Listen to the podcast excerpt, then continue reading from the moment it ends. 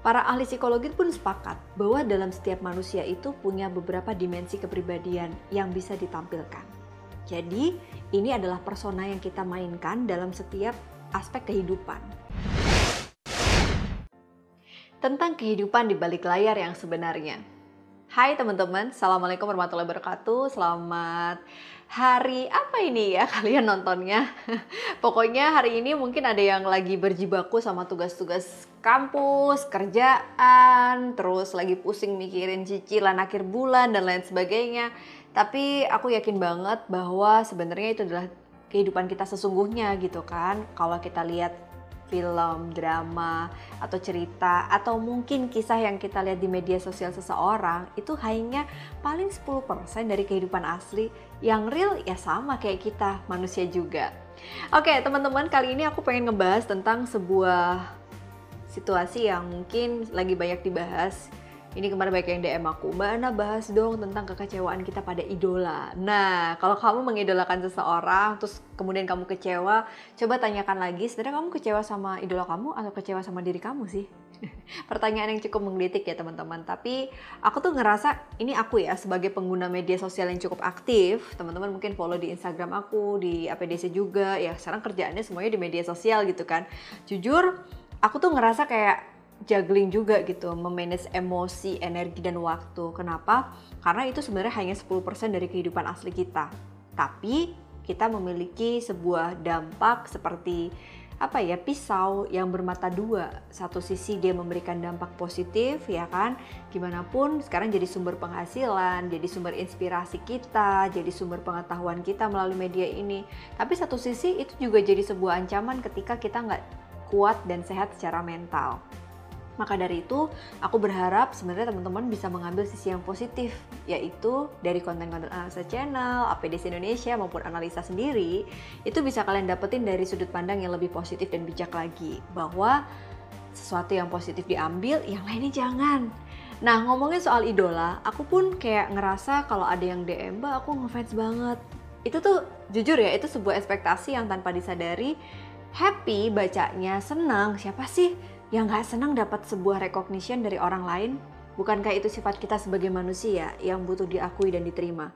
Tapi somehow ketika itu berlebih, tahu gak sih teman-teman, ini bisa dikatakan sebagai salah satu kerentanan dalam sebuah penelitian dopamin atau hormon yang uh, mengontrol regulasi emosi kita gitu ya. Kalau itu berlebih, karena kan dia memberikan sebuah efek senyawa kimia dalam tubuh, memberikan rangsangan kepada sel tubuh kita untuk mendapatkan efek kesenangan.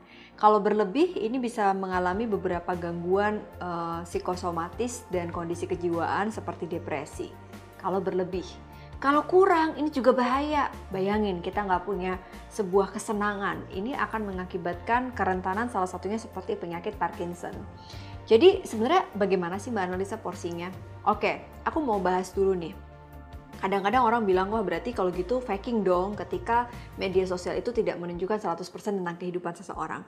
Bukan gitu juga pemirsa. Tapi gini nih, aku pribadi ya, jujur kalau aku lagi ngalamin kesedihan, lagi ngalamin masalah yang cukup berat, aku kayak lebih baik tidak mem-share itu di media sosial.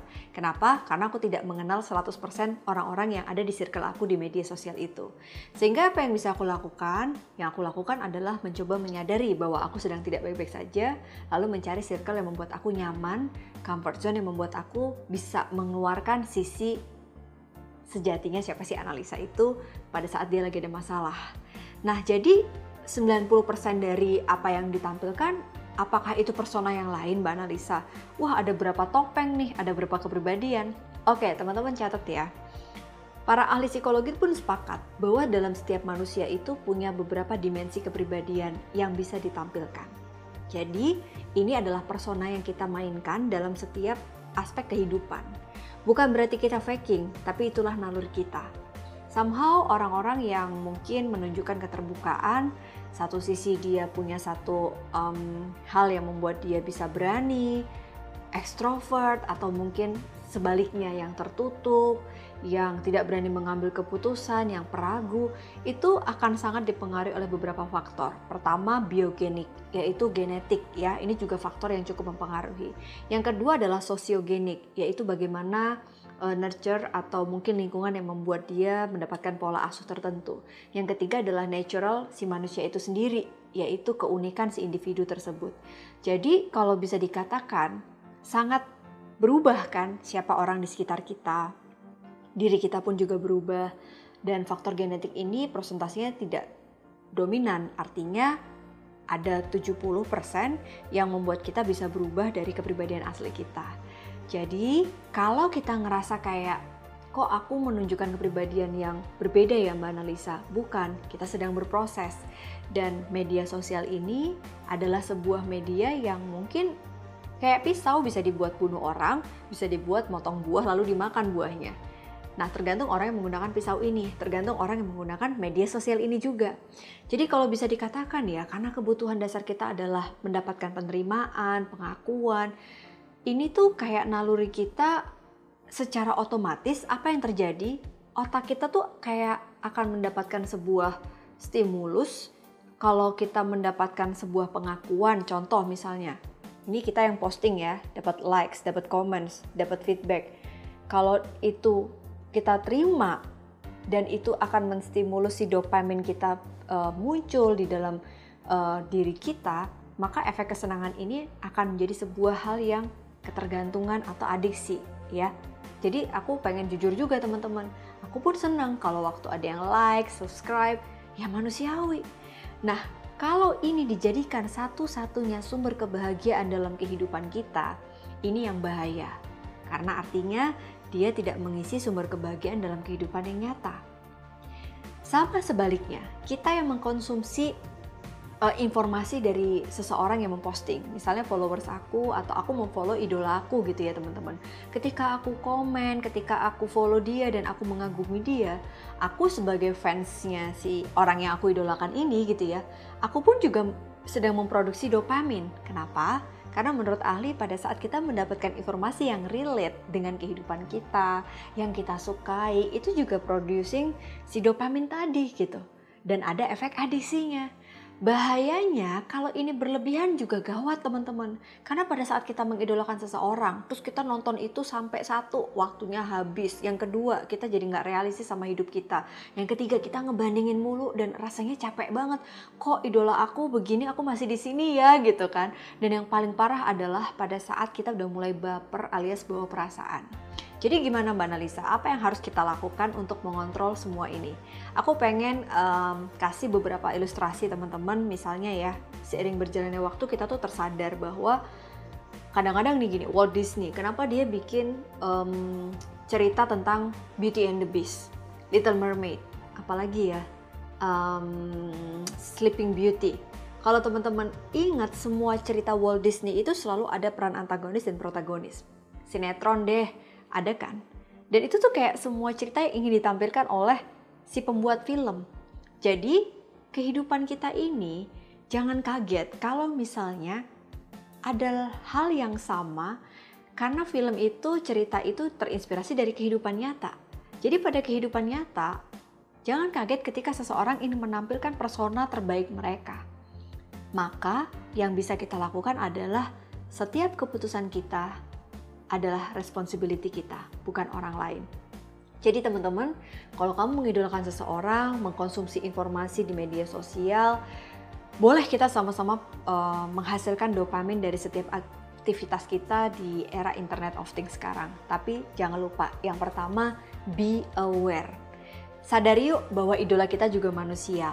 Dia sama kayak kita, ada sisi ketidaksempurnaannya juga gitu.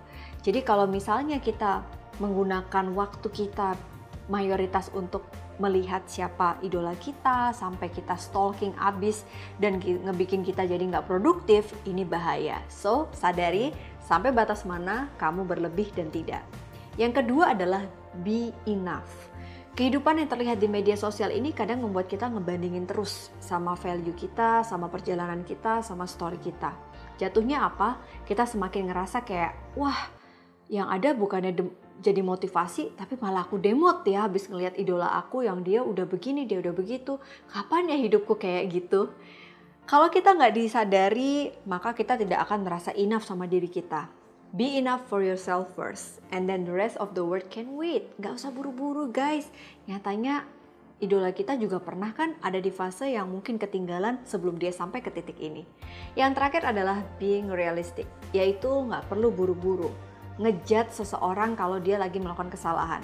Ini bukan hanya berlaku untuk idola kita aja, tapi semua orang.